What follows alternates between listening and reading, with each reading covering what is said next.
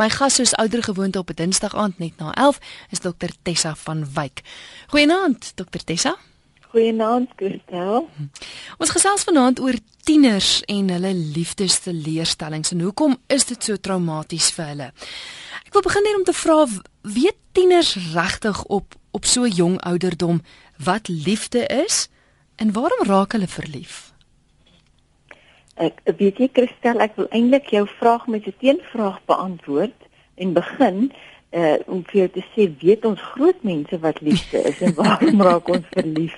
Daar is soveel definisies oor en liedjies en gedigte en goed geskryf en daar's soveel vraagtekens oor die woord liefde en die betekenis daarvan. En ek het nou die dag nog 'n oulike een gehoor uh wat vir my baie sin maak en sê liefde is nie 'n emosie nie, maar dis 'n vermoë en 'n of 'n kapasiteit wat jy het. En dan hoor jy weer aan die ander kant die ander een sê liefde is 'n werkwoord, liefde is 'n keuse. Uh, liefde is om ander persoon ruimte te gee om om hom of haarself te wees. Liefde is geborgenheid. So daar daar da is daar is soveel verwarring en ek ek moet vir jou sê ek dink nie regtig tieners weet uh, wat liefde is nie en hulle weet ook nie hoekom hulle verlief raak nie. Dit is maar net 'n chemiese reaksie wat binne hulle gebeur en die hormone klap hande en hulle ervaar dit as liefde en ehm uh, jy weet en daar's ook 'n groot behoefte by baie of by meeste tieners uh aan liefde en daar's deesdae daar so soveel gebrek van aan omgee en beskerming en 'n gevoel van ek behoort aan in 'n gesinsverband want almal is so besig en hardloop so rond dat ek dink tieners is vandag meer as ooit baie desperaat op soek na liefde en erkenning en ook daai erkenning van hulle bestaansreg daardie daardie doel hoekom ek op aarde is en dan gaan soek hulle dit by die teenoorgestelde geslag ook. Jy weet en in in die vorm van liefde en raak verlief op uh, reg of verkeerd maar dit is dan 'n emosie wat hulle ervaar maar ek dink nie hulle het 'n klou wat aangaan nie. Hier sê SMS wat deurgekom het wat sê ek was vir 3 jaar in 'n verhouding die meisie was in graad 10 en ek in graad 8 Dit was 2009, maar laas jaar het sy my gelos en met 'n ander man weggeloop. Ek sukkel nog steeds om oor dit te kom. Dit het my hele skoolloopbaan opgemors. Sy het vir my gelieg. Dit is daardie dit is daardie ding wat wat dit so moeilik maak met tieners. Want hulle is nie bevoeg of het nie die emosionele kapasiteit om werklik so teleurstelling en op 'n plek verraad. Jy weet wat hulle ervaar, verwerping wat hulle ervaar, regtig te kan hanteer en te kan verwerk sonder begeleiding nie. Selfs ons as groot mense kristel, as jy deur 'n um, egskeiding gaan of 'n verhouding breek op of selfs 'n vriendskap breek op en jy ervaar teleurstelling en verraad, is dit verskriklik moeilik om dit te hanteer. Ehm uh, en maar maar ons het daar 'n bietjie meer insig en bietjie meer lewenservaring as 'n jong persoon. En en ek ek kan nogal indink dat dit dat dit op 'n plek so moeilik is vir so 'n persoon om om deur al daardie verskriklike onthou dit is dis baie pyn. Uh om om weer 'n liefdesteleurstelling te gaan. Dit voel mos of jou hele wêreld in mekaar sak en niks maak meer sin nie en dit voel ook, ook of jy nooit ooit ooit weer so 'n meisie in jou lewe gaan kry nie. Jy weet, dit was die liefde van jou lewe. En dan kan dit maak dat dit letterlik ek wil amper die woord dit dit dit maak jou lewensdronk. Jy jy verloor rigting in die lewe as jy nie die regte begeleiding kry nie. So ek stel voor en veral sy sy reaksie van dit het my my hele skoolloopbaan verander hmm. en en en en drasties verander. Sal ek nogal sê hy moet net met 'n volwassene gaan praat wat hy vertrou dat iemand hom net begelei deur hierdie pyn sodat hy afsluiting kan kry met daardie verhouding want dit is ook verskriklik belangrik want wat tieners baie keer doen hulle spring van een verhouding na 'n ander verhouding en leer nooit om eers een af te sluit uh tyd te gaan vir genees en deur 'n genesingsproses te gaan en dan na die ander uh, uh gaan gaan na 'n ander persoon toe of na 'n ander verhouding toe. So ek sal nogal voorstel dat jy met 'n onderwyser wat jy vertrou of jou ma of jou pa of 'n predikant of iemand dat iemand jou net help om afsluiting. Die Engelse woord is mooi closure te kry by met hierdie verhouding sodat jy kan aangaan met jou lewe. Moenie toelaat dat een verhouding jou hele lewe uh in 'n mislukking verander nie. Dokter Tessa, dit wil soms voorkom of of tieners met hulle hart op hulle moue rondloop. Is dit so en en hoekom? Ek dink nogal dit is so ek ek, ek sien dit baie in die praktyk. Ehm um, en en selfs net as ek met tieners eh, sommer in groepsverband werk. Uh, ek dink dit is 'n 'n vorm of 'n manier van hulle uh, uh, om uit te roep en 'n noodkreet na liefde en aandag. Daai ding van sien my tog net raak, luister na my, help vir my. Jy weet en dan sal hulle veral veral die meisies sal baie dramaties emosioneel uh, jy weet vir jou wys en en dit half uitspeel. Tieners ervaar ook geweldige druk om te presteer en baie druk om soos klein groot mensies op te tree deesdae. En daarmee saam kry hulle nie regtig leiding en begeleiding as ook voorbeelde van ons volwassenes en van die ouers nie van hoe om hierdie goeders te doen nie. Al wat hulle hulle moet hulle moet letterlik presteer en hulle moet die ding doen en dan moet hulle met al hierdie emosies ook nog sit. En ek dink tieners en sommige kinders in die algemeen het ook 'n baie sterk basis van ek is nie goed genoeg nie. Niemand stel tog in my belang nie. Dit niks en al hierdie goed maak hulle behoeftes vir hulle net groter. Niks maak vir hulle meer sin nie behalwe hulle emosies. En dit is hoekom dit so belangrik is dat ons luister na wat die tieners sê. Al is dit dramaties en ehm uh, jy weet en ooreageer hulle en soos ons sê hulle loop met hulle emosies op hulle mou.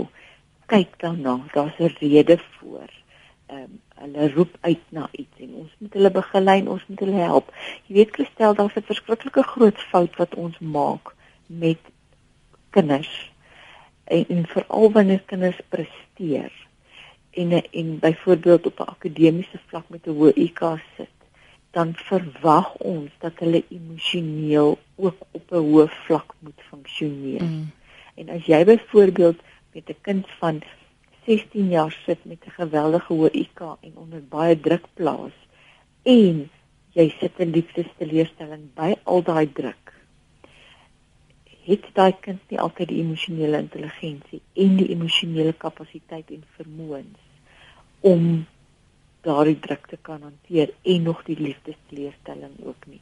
Maar die verwagting wat ons kyk na daai kind en sien ag pas hy's 'n presteerder sy kan altyd alles hanteer en dan sy nog goed in sport ook en alles. En ons besef nie dat daai kind het nie daai kapasiteit nie. En ek dink dit is ook hoekom kinders dit baie keer met hulle emosies op die mou loop. Dis 'n uitroep om vir ons te sê help ons kan nie eintlik koop met hierdie goed Jy is ingeskakel op RSG en jy luister na Geestesgesondheid. My gas is Dr Tessa van Wyk en ons gesels oor tieners en hulle liefdesteleurstellings. Hier het 'n SMS deurgekom van Reinhard van Somerset Wes wat sê tieners se liefdesverhoudings is traumaties want hy's nog pure kind en onvolwasse. Talle ouers maak die kinders as volwassenes groot terwyl hulle liewer op hul skoolwerk moet konsentreer. Suid-Afrika en die wêreld se probleme is dat kinders op skool kinders verwag. O ja, dit is natuurlik 'n ander ander sterk onderwerp daai. En en dit ek stem heeltemal saam met hom. Uh ons kinders, ons verwag te veel van ons kinders uh en kinders kan baie goed hanteer, maar hulle moet begeleiding kry. Hulle moet hulle moet geleer word. Uh, jy weet Christel, daai voorbeeld wat ek altyd gebruik van as my ma en pa nie vir my geleer het ek moet met 'n mes en 'n vurk eet nie, sou ek dit nie geweet het nie. Verstaan? Mm. Of ek met my tande borsel of my hare gereeld was nie. As en dis basiese goed.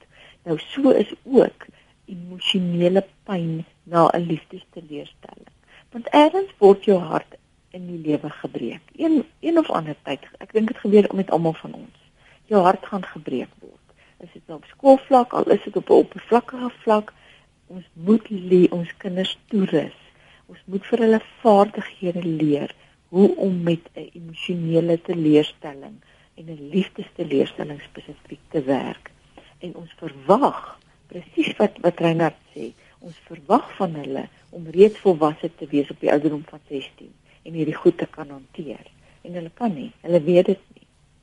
En onthou, die inligting wat hulle op internet kry, is nie noodwendig altyd die regte inligting. Mm. mm. Maar dokter Tessa, mens hoor gereeld by tieners dat hulle sê ek het my lewensmaat ontmoet of my sielsgenoot. Is dit moontlik? dis jy weet dit dit is my halfe bevestiging dat van van naïwiteit en van daar daar is daar 'n illusie van verlief wees. En ons almal voel maar so as jy eers verlief raak, jy weet, en daai hormone skop in.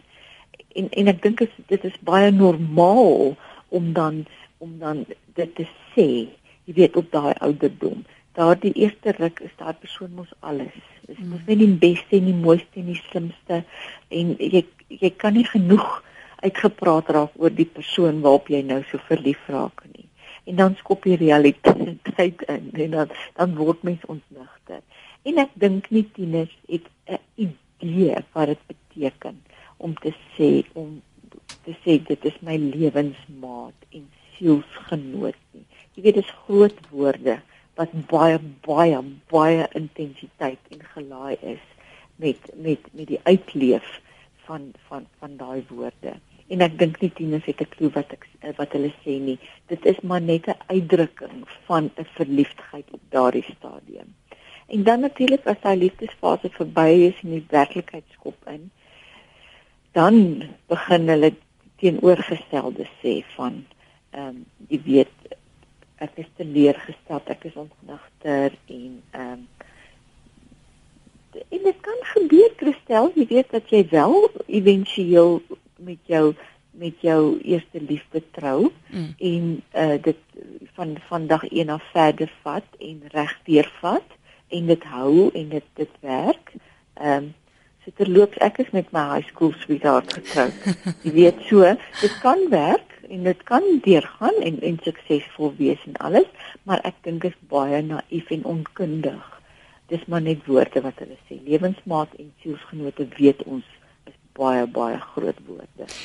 Maar dit maak dit eintlik so gevaarlik want as 'n kind dit dink dan die oomblik as daar druk gaan wees van maar as jy vir my lief is dan sal jy 'n seksuele verhouding met my hê dat daai persoon baie maklik geneig is om dit dan te doen want dit is ja, dan so 'n ja. ernstige ja. verhouding. Ja, en omdat hulle dit dan ook sien as hierdie verskriklike ja. ding van is my sielsgenoot, so dan wil ek half oorgaan en dit doen. En ongelukkig Christel, dit wat jy daar sê is ontsettend belangrik want dit is wat gebeur. Dis die werklikheid daar buite van ehm um, jy weet ons het nou die aand gepraat oor pornografie van as jy werklik lief is vir my sal jy saam met my pornografie kyk of as jy werklik lief is vir my sal jy saam met my slaap. Jy weet en daardie druk kan hulle ook dan nie hanteer nie juis omdat hulle so verlief is en dit is een van die moeilikste goed. En dan nog as jy nog boonop dink dis jou lewensmaat mm. hierdie dan gaan jy na daai plek toe van ag weet jy wat? Omdat dit 'n langtermynverhouding is maak nie saak nie dan doen ek dit sommer nou. Jy weet en dan word die word die teleurstelling en die ontnigtering soveel groter as hulle uitvind o jene maar dit was toe nou nie my lewensmaat hierdie nie. Ek dink nie ons besef altyd wat so ongelooflike groot nagevolge sulke jong verhoudings tog kan hê nie. Hier's 'n SMS wat deurkom van 'n luisteraar wat sê: "Ek was baie verlief tydens my eerste verhouding en die meisie was ontrou en ek het altyd vir haar opgekom tot ek haar betrap het met iemand en van daardie af het ek trust issues in 'n mate met meisies. Wat doen ek om oor dit te kom? Want duidelik het die persoon ontsettend seer gekry in sy eerste verhouding." Ja. En jy weet ook daardie daardie ding van voordeel gee die gee haar die voordeel van die twyfel. Mm, mm. En ehm um, ek het vir haar beskerm en opgekom en gesê nee dit is nie waar nie en dan daardie ontnigtering so ek kan dit nogal dink die belangrikste wat ek vir vir hom wil sê is uh jy moet een ding onthou en ek weet dit is baie normaal om nou 'n 'n 'n vertrouens uh, issue te hê met alle meisies en dit is die eerste ding wat jy dadelik vir jouself moet sê nie alle meisies gaan dieselfde doen nie. En en ons ons veralgemeen. Jy weet as mens byvoorbeeld gekaap word deur 'n swart man, dan dink jy alle swart mans is sleg. Mm. Of as jy geslaan word deur 'n man, dan dink jy alle mans doen dit. Um, en dit is net dit is nie waar nie. En dan die tweede plek moet jy by 'n punt kom wat jy kan jou emosie wat jy ervaar daardie pyn moet jy kan uitdruk. Jy moet dit uitspoeg, jy moet van dit ontslaa raak. En jy kan as jy wil met haar gaan praat as dit moontlik is. En net vir haar sê weet jy jy het my baie bitter seer gemaak. Of jy kan dit letterlik in die vorm van teenoor 'n vriend net sê ek is ontsettend seer gekry en dan spesifiek sê wat het seer gekry. Ehm uh, my vertroue is gebreek. Ek is teleurgestel. Sy het my verwerp. Ek voel ek is nie goed genoeg nie daardie emosies druk dit uit en spoeg dit uit en dan natuurlik gaan oor na die vergifnis toe. En die rede hoekom jy vergifnis moet doen hier is jy moet laat gaan en sê dit het met my gebeur, dit was 'n slegte ondervinding, gaan nie langer belê in hierdie pyn nie. Ek gaan die lesse leer wat ek moes geleer het. Kyk en en skryf dit neer. Gaan sit en sê wat het ek alles geleer uit hierdie verhouding uit?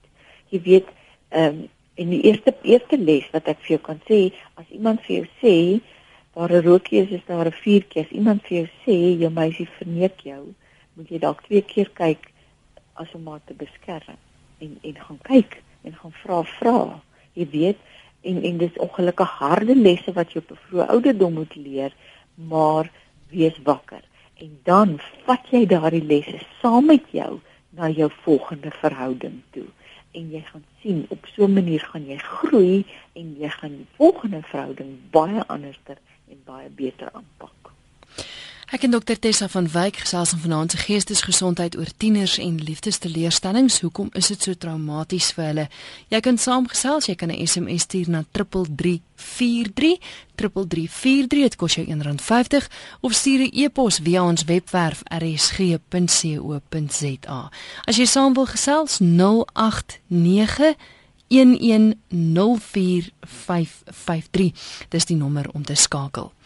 Hier het 'n SMS deurgekom wat sê ek is 'n gestremde meisie. Ek wil net vra hoekom gestremdes minderwaardig voel wanneer hulle verlief raak en in 'n verhouding is met die onsekerheid dat jy bang is om seer te kry. Ek is vreeslik bang om verlief te raak. Ja, dit is nogal ek weet nou nie wat is haar gestremdheid nie. Maar dit is nogal 'n ding wanneer daar enige vorm van 'n uh, eh, gestremming is of 'n gestremdheid is, is mens meer kwesbaar of jy voel meer kwesbaar. Dit is amper daardie ding van hoekom raak iemand op my verlief as ek byvoorbeeld in 'n rolstoel is? Kry hulle my net jammer of is dit regtig omdat hulle vir my as mens omgee? En ek dink wat ook baie keer daarmee saamgaan, 'n gestremde mens is geneig om soos 'n halwe mens te voel. Van ek kan nie regtig gee wat iemand wat kan loop vir hierdie persoon kan gee nie. En daarom is ek nie goed genoeg nie. Maar en, en jy sien dit is weer eens waar volwassenheid inkom. En waar tieners nie hierdie onderskeid kan regtig tref nie. En dan koop hulle in hierdie leuns in. Van omdat ek gestremd is kan ek nie 'n volwaardige verhouding uh, uitleef nie of of myself 100% gee nie. En dan ehm um, begin hulle da hierdie issues ontwikkel. En die die werklikheid van dit is al is jy fisies gestremd, gaan meeste van 'n verhouding gaan oor die emosionele geestelike band wat jy met 'n persoon het. En met die ehm uh, en met die uh die ondersteuning wat jy aan mekaar bied, die verbintenis wat jy met daardie persoon het die goeie kommunikasie, die intimiteit op 'n op 'n vlak wat nie net noodwendig seksueel is nie, maar daardie geborgenheid wat jy voel. En dit kan jy as gestremde persoon ook vir 'n maat gee. So ek dink nogal die raad wat ek vir jou sal gee is om dadelik te sê, maar wat is die waarheid oor my as gestremde persoon? Is ek regtig nie goed genoeg vir vir 'n verhouding nie of het ek eintlik baie meer partytjie om te gee as iemand wat nie gestremd is nie. Watter tipe tieners sal tot die extreme oorgaan en byvoorbeeld selfmoord probeer pleeg as hulle 'n liefdesteleurstelling gehad het of watter punt moet mens bekommerd wees? Ja. En dit dit Christel is 'n verskriklike belangrike ding want dit is dit is waar ons nou na die gevaar begin gaan. Jy weet ons almal gaan die liefdesteleurstellings en dit is partykeer op 'n sekere manier nogal sweet om te sien hoe tieners deur liefdesteleurstellings gaan en daardeur worstel en alles. Maar dan begin die rooi ligte aangaan en dan begin ons na 'n gevaarsone toe beweeg en dit is die ekstreme wat jy oorgaan na selfmoord toe as gevolg van 'n liefdesteleurstelling. Nou die die dit wat ek gevind het is die ehm uh, dis dis dis dis moeilik om werklik iemand te etiketeer en te sê daardie persoon omdat hy of sy so lyk uh, gaan oorgaan na selfmoord toe. Maar wat ek gevind het is dat tieners wat byvoorbeeld uit gebroke huise uitkom is nogal geneig na na die ekstreme toe en na selfmoord toe. Of tieners wat baie afgebreek en mishandel word by die huis So dit is asof daar 'n aanvanklike primêre trauma reeds was in so 'n tiener se lewe en dan word die selfmoord ag ag die liefdesteleurstelling word dan die sekondêre trauma. So dit is net 'n byvoeging uh, by die eerste trauma wat reeds bestaan het of die kritiek wat afgebreek is. Byvoorbeeld iemand wat geboelie word en dan kry jy nog liefdesteleurstelling, dan is dit asof daardie liefdesteleurstelling 'n bevestiging is van weet jy ek is nie goed genoeg nie. Dit wat my pa van my sê is waar. Ehm uh, jy weet my pa en my ma's geskei, so ek verdien ook nie liefde nie. En dit maak dan dat hulle oorgaan en sê weet jy ek dis nie meer die moeite werd om te leef nie. Iemand wat byvoorbeeld met 'n baie swak selfbeeld iemand wat nie geborgenheid ervaar. Baie druk 'n persoon wat baie druk ervaar, het sy van die ouers of van hulle self en dan kan éventueel kan hulle dit nie meer bybring nie. En dan begin hulle oorgaan en sê, weet jy, ek hierdie druk is my te veel en ek weet nie hoe om hier uit te kom nie. So dood word 'n opsie en dan begin hulle daarna kyk. Want persepsies en verkeerde verwagtinge byvoorbeeld by 'n kerel of by 'n meisie van my kerel en my meisie gaan al my probleme oplos en dan ewe skielik hulle gaan my red en dan ewe skielik gebeur dit nie en dan kan hulle daai teleurstelling nie hanteer nie dan gaan hulle oor na dood toe. En dan tieners wat baie in die flieks en in die movies leef. Daar's 'n verskriklike fantasie wêreld rondom liefde en verhoudings geskep, selfs op die sosiale media. Jy weet dit is amper asof dit 'n speletjie word. En dan wat baie keer in die flieks gebeur, dit daar word gewys van die die kerel los die meisie en dan gaan pleeg die meisie selfmoord of wend 'n poging aan en dan vat die kerel haar terug. So dit is dit is daardie voorbeeld wat hulle sien en dan dan dan kom hulle ek het so ruk terug 'n dogtertjie van ehm um, 13 en 'n haar boetie was 11 en toe die boetie uh slaap hulle gedrink. Hm. Sy probeer sy op die ouderdom van 11 en toe kom vra, maar waar het hy gehoor dat hy hierdie ding moet doen? Dis hy nee, sy sussie het hom gesê wat 13 jaar oud oud is van sy het op die televisie gesien. As jy nie meer kan nie, dan moet jy selfmoord pleeg. En dit is nogal 'n verskriklike gevaarlike ding en nou gebeur dit dat jy te veel druk het of alles en nog 'n liefdesteleurstelling. En dan onthou jy my jene maar ek het in daai fliek dit en dit en dit gesien. Want onthou ons praat van tieners Christel. Hulle het nie die volwassenheid en die emosionele kapasiteit om te onderskei tussen realiteit en fantasie en en wat reg en wat verkeerd is nie. En dis hoekom dit so belangrik is dat ouers moet weet wat in hulle kinders se lewens aangaan en wat in hulle kinders se verhoudings aangaan. Hier sê SMS ehm um, wat sê ek is dol verlief. Ons was vir 5 jaar gekeus. Ons is albei in graad 11 en nou wil sy meisie verloof raak aan 'n man van 35 jaar. Ek kan nie op my skoolwerk konsentreer nie en ek voel lus om weg te loop. Kan Tannie asseblief help? Wil sy meisie wat in graad 11 is verloof raak aan iemand wat 35 jaar oud is? Dis wat ek kan aflei van die SMS ja. Genade. En hulle was vir 5 jaar lyk like dit my bymekaar. Genade. Weet jy wat? Dit is vir my 'n verskriklike rooi lig en dit is my baie kommerwekkend. En en en die die bekommernis daar is waar is daardie meisie se ouers om so iets toe te laat? Want hoe oud is jy as jy in graad 11 is? 17. Ja. Uh, of 16. Ek jy weet en kyk nou net op op daardie vlak en, en en met iemand uit te gaan of verloof te raak terwyl jy nog op skool is. So daar's hmm. soveel wanpersepsies wat hier aan die gang is.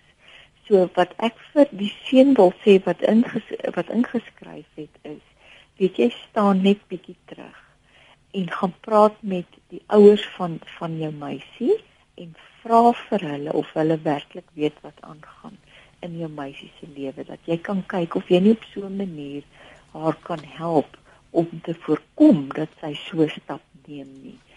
En as hulle dan vir jou sê ja, hulle weet wat aangaan en hulle keer dit goed, dink ek moet jy heeltemal terug staan en jouself letterlik losmaak van hierdie hierdie ding. En dan vir jouself gaan sê weer eens wat ek vir die vorige persoon gesê het wat is die lesse wat ek hier uit leer? Maar ook vir jouself gaan sê en dit is vir alle jong mense gaan maak 'n lysie. Wat wil ek in 'n verhouding hê wat wil ek in 'n meisie hê? Wat wil ek eendag in my vrou hê? Sodat jy 'n verwysingsraamwerk of amper 'n kriteria het waarvolgens jy in 'n volgende verhouding gaan ingaan. En dan sê een van die goed is dat ons op 'n sekere ouderdom sekere gedrag nie mag doen nie. Byvoorbeeld op ouderdom van 17 verloof raak aan iemand van 35 verstaan jy? Mm. Tweede ding wat ek wil vir hom sê is gaan kyk na die ouers en die familie se lewenstyl. En dit is verskriklik belangrik. Jy moet gaan kyk na die familie waarin jy introu se gedragspatrone. En dan moet jy gaan kyk en vergelyk dit met jou familie se waardes en se gedragspatrone. En as daar groot verskille is, loop weg, staan terug en gee dit net bietjie spasie en kyk wat gebeur. Ek weet die pyn is baie erg en ek weet jy wil graag die meisie op hierdie stadium terug hê. Maar hier is my verskriklike wangedrag wat hier aangaan en staan net so bietjie terug en kyk wat gebeur. Dokter Tessa gestel my tiener het deur 'n liefdesteleurstelling gegaan. Wat moet ek as ouer doen? Is daar sekere stappe wat ek moet doen om die proses makliker te maak of om te wys dat ek verstaan? Ek dink die belangrikste is um, om jou kind te begelei. Daar moet 'n oop kanaal van kommunikasie wees.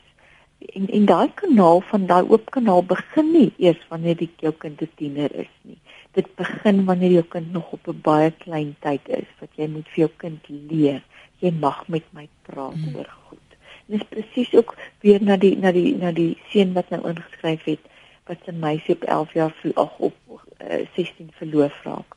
Jy weet daar's nie kommunikasie tussen haar en die ouers nie of jy moet sorg dat daai kommunikasie verskriklik van dag 1 af oop is sodat jy jou kind kan begelei Dan die tweede ene is luister na jou kind. Moenie net in 'n aanvalsposisie ingaan en en hulle wegjaag en sê nee, dit is lelik en dit is verkeerd en jy mag dit nie doen nie en ek verbied jou maar weer te sien en alles nie. Luister na jou kind se pyn ook. En sê vir jou kind, vertel vir my hoe voel jy regtig? Wat is dit wat jou seermaak? Hoekom is jy so teleurgesteld? En dan begelei jou kind na opsies toe en sê, "Waar wat wat is die volgende stap? Die 'n goeie voorbeeld wat jy vir jou kind stel is natuurlik die die belangrikste ding. Hoe bedryf jy jou eie verhoudings en jou eie huwelik? Kinders gaan toepas wat hulle in hulle huise sien. En dit is baie belangrik want as as jy jou kind sien, die pa slaan die ma en die pa gee nie om nie of die pa verneek die ma, gaan hy dit toepas. En dit en, en wat ongelukkig geneig is, ons geneig is om te doen in verhoudingskristel, daar's 'n Engelse gesegde wat sê you always go for the pain that you know. En en ek weet nie of jy al gehoor het of gesien het nie, baie dogters wat se paas alkoholiste is, gaan en gaan trou ook met 'n alkoholis. Mm. En dit is daardie ding en dit is die voorbeeld wat hulle gesien het. En dit is al wat hulle ken. Wees by betrokke by jou kind se verhoudings. Ek weet dit is bietjie moeite wat jy moet doen, maar dis jou taak as ouer. Jy kan nie vir 'n dogter van 16 jaar 'n kas bier gaan koop en vir haar en haar kerel op 'n Vrydag aand sê alleen by die huis los en sê hoor hierso, kyk na jouself, ons gaan uit nie. Dis 'n slegte voorbeeld plus is ook sê 'n slegte reël en dissipline wat jy toepas. Hulle weer eens, natuurlik gaan hulle nie weet nie en hulle gaan daai kas bier opdrink en hulle dit gaan lei na ander ander gedrag toe beskerming. Kyk wat se flieks kyk jou kind. Ehm um, kyk saam met jou kind na die kerel of die meisie wat hulle kies en leer vir jou kind waarna om te kyk in 'n verhouding. Wat is belangrik? Wat is waardesisteme? Wat is standaarde? Jy moet vir jou kind dit leer. Jy moet vir jou kind leer en sê, "Oké, okay, kom ons kyk na hierdie mislukking van of hierdie liefdesteleurstelling en kom ons kyk wat het jy verkeerd gedoen of wat het verkeerd geloop? En op so 'n manier saam met jou kind jou kind help om te leer en lesse te leer uit hierdie verhouding uit. Want dit is maar die beste manier wat ons leer van verhoudings is wanneer ons deur so 'n teleurstelling gaan om amper introspeksie te gaan doen en te sê wat het ek geleer wat wil ek nooit ooit weer in my lewe hê of ervaar nie en op so 'n manier maak dit veel makliker om éventueel die regte lewensmaat te kies. Is nou twee SMS'e wat deurgekom het wat heeltemal dieselfde trant het. Die een sê dokter Tessa so 'n hele paar dekades gelede was my grootouers slegs 16 en 19 jaar oud toe hulle getroud is en hulle was vir 65 jaar getroud gewees toe my oupa oorlede is. Het tieners se emosies en liefde dan oor die afgelope dekade heeltemal verander? En dan ook 'n ander luisteraar wat sê my twee niggies en neef het getrou op 17 en 18. Nou is al drie oor die 50 jaar getroud, was die tieners van Tuka se tyd meer opgewasse. So dink ek dink jy dit het verander. Ek dink nie die emosie het verander nie en ek dink ook nie noodwendig hulle was meer opgewasse nie. Wat ek wel dink is dat die omstandighede en die uh die die lewenstyl op daardie stadium was baie anders. So jy het groot geword op uh, in in met ons grootouers se tyd. Het het groot geword uh van op 16 of op 19 is dit oukei okay om te trou. Um en om kinders te kry en jong ek ek onthou in my eie toe ek in in matriek was. As jy 23 was en jy's nie getroud nie, was jy op die rak. Dan jy gesien as 'n ou jong nooi. En vandag se lewenstyl is op 30 begin meisies eers kyk na. Mm. Dalk wil ek trou of wil ek nie trou nie. Ek wil eers my lewe leef, sal baie jong meisies vir my sê. So dit die lewenstyl het baie verander en daarvolgens maak ons ander keuses. Maar die emosies bly nog steeds dieselfde. En ek dink ook die ingesteldheid omdat ons grootouers en en en wat die een persoon gesê het jare terug van hulle neefies en niggies was hulle ingesteldheid heel anders en daarom ook hulle verwagtinge. Dit was vir hulle deel van die volgende stap is ek gaan nou trou en op 16 was dit aanvaarbare gedrag geweest en aanvaarbaar in die in in hulle lewenstyl en hulle omstandighede. Maar vandag as jy byvoorbeeld kyk na die druk wat op jong meisies geplaas word en as jy op op 16 of op 19 met 'n baba sit. Ehm um, wat wel nog steeds aanvaarbaar is. Ehm um, maar jy het byvoorbeeld in 'n lewenstyl of 'n huis groot geword waar jy moet gaan studeer en jy moet vir jouself sorg. Uh, jy weet, dan gaan dit vir 'n bietjie heeltemal 'n ander prentjie wees. En onthou daardie tyd het meisies spesifiek nie gewerk nie. Hmm. En hulle het nie verder gestudeer en loopbane ontwikkel nie. Hulle het nie was nie broodwinners nie. En so dit was 'n hele ander storie en ek dink dit is wat die hele situasie anders maak. Hulle mentaliteit en hulle ingesteldheid was ook anders. Vandag se meisies Christel is nie tevrede om net by die huis te sit en doeke te was en kos te maak nie. En die eerste van alles is hulle hoef nie eens met doeke te was nie. Nee, hulle hoef nie. Maar die die, die gemiddelde meisie ja, is nie tevrede met dit. Dis anders. Mm. En as jy ook kyk, as jy kyk na jou grootouers, waarmee hulle toe hulle die dag getrou het. Wat wat was hulle die ek onthou die woord trousseau. Ek weet nie of dit 'n Afrikaanse woord vir dit is nie. Maar die trousseau waarmee hulle begin het, was heel op 'n ander vlak. Vandag se jong mense as hulle trou, hulle mikrogolf oond, hulle wasmasjien, die skoolgoed was was dit. Dis so, 'n hele ander lewenstyl. Hmm. En ek dink dit is waar die verskil lê en hoekom dit moeiliker is vandag om op die ouderdom van 16 en 19 wel te trou en kinders groot te maak. Ons gaan afsluit met so 'n laaste vraag. Hier is iemand wat sê sy het ehm um, aan die begin van die verhouding was hy verskriklik baie lief vir die ou gewees, maar met verloop van tyd het die gevoel verdwyn. Is ek ooit lief vir hom of nie? Jy sien hierso is dit nou weer daardie daardie ehm um, ding van die definisie van liefde. Wat is liefde? Is liefde regtig net 'n emosie? Of is dit aan die einde van die dag 'n wilsbesluit en dit is waar dit waar dit inkom van as jy 'n 'n verbintenis maak aan 'n persoon omdat jy verlief is op hom en jy besluit ek wil saam met hierdie persoon tyd spandeer uh langtermyn dan moet jy en oor oor oor 2 jaar voel jy nie meer dieselfde nie. Dan moet jy bietjie gaan introspeksie doen en evaluasie doen en sê hoekom voel ek nie meer so nie? Is dit maar net omdat ek nou gewoond geraak het? Is daar trauma wat tussen ons gebeur het, 'n insident wat my ewe skielik ontnigter het of wat my seer gemaak het en toe begin ek so bietjie myself distansieer? Of is dit nou 'n gevoel van ons is nou 2 jaar in hierdie verhouding en ons karring nou maar net aan en die emosie het bietjie vervaag, maar ek moet stiek by my by my verbintenis. Die Engelse woord praat van commitment. En ek dink dit is baie normaal in 'n verhouding en veral in 'n huweliksverhouding. Jy weet na 10 jaar begin jy naderhand bietjie moeg raak en jy sê ag weet jy wat dit raak nou bietjie verveeld en alles, maar dan val jy terug op die op die commitment en op die verbintenis en sê weet jy ek moet werk aan my verhouding. Ek het hierdie verbintenis gemaak maar dan moet jy seker wees dis waaroor dit gaan en daar's nie 'n ander probleem wat onderliggend is wat maak dat jy emosioneel jouself afgesny het van die van hierdie persoon nie. So ek dink selfondersoek is die antwoord en dan wat die antwoord wat wat jy daar begin uitkom gaan jou lei na die volgende stap toe. Moet ek langer in die verhouding bly of moet ek liewer nou uitklim? Dokter Tessa, indien luisteraars met jou in verbinding sou wou tree, hoe maak hulle?